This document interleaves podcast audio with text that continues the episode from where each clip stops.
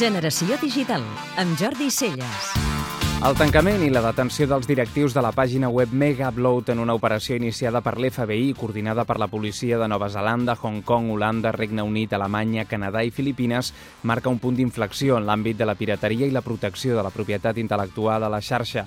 Mega Upload era una pàgina web fundada l'any 2005, que permetia als seus usuaris emmagatzemar tot tipus d'arxius, especialment vídeo, fotografies i música. La clau del seu èxit ha estat la facilitat de la seva gestió i la seva estabilitat, permetent que els seus usuaris compartissin continguts de forma directa i senzilla. Fins fa pocs dies, Megaupload era la tretzena pàgina més visitada de tot internet. Tenia més de 1.000 milions de visites, més de 150 milions d'usuaris registrats, 50 milions de visites diàries i comptava amb el 4% del tràfic total d'internet. A banda de ser un immens negoci publicitari i d'aconseguir ingressos pels seus serveis, Megaupload servia de base per a la distribució de continguts en múltiples pàgines que es nodrien dels seus enllaços, com les populars Cuevana o sèries Yonkis.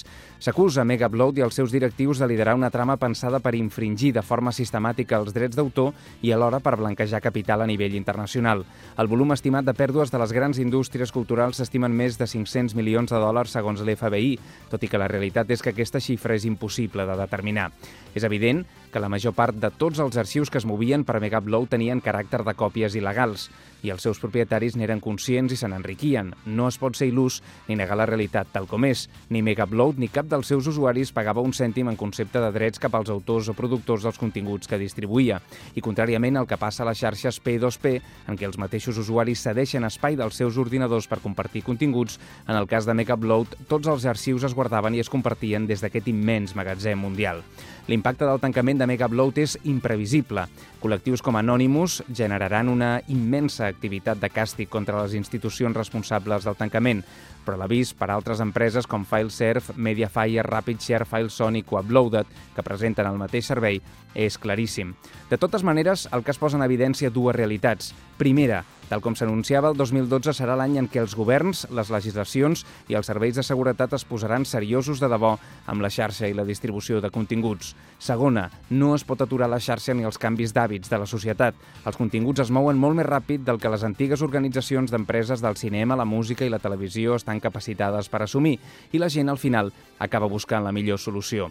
Megaupload havia trobat un model excel·lent per distribuir continguts de forma fàcil i eficaç a nivell mundial, una autèntica meravella de l'enginyeria informàtica i de sistemes.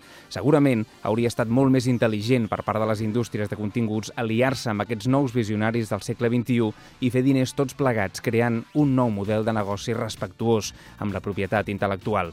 Ara, en canvi, tenim uns quants genis a la presó i una indústria que té tots els números per no recuperar ni un sol cèntim dels diners que creu que les descàrregues il·legals li havien robat. Podeu escoltar Generació Digital cada dissabte de 4 a 6 de la tarda a Catalunya Ràdio.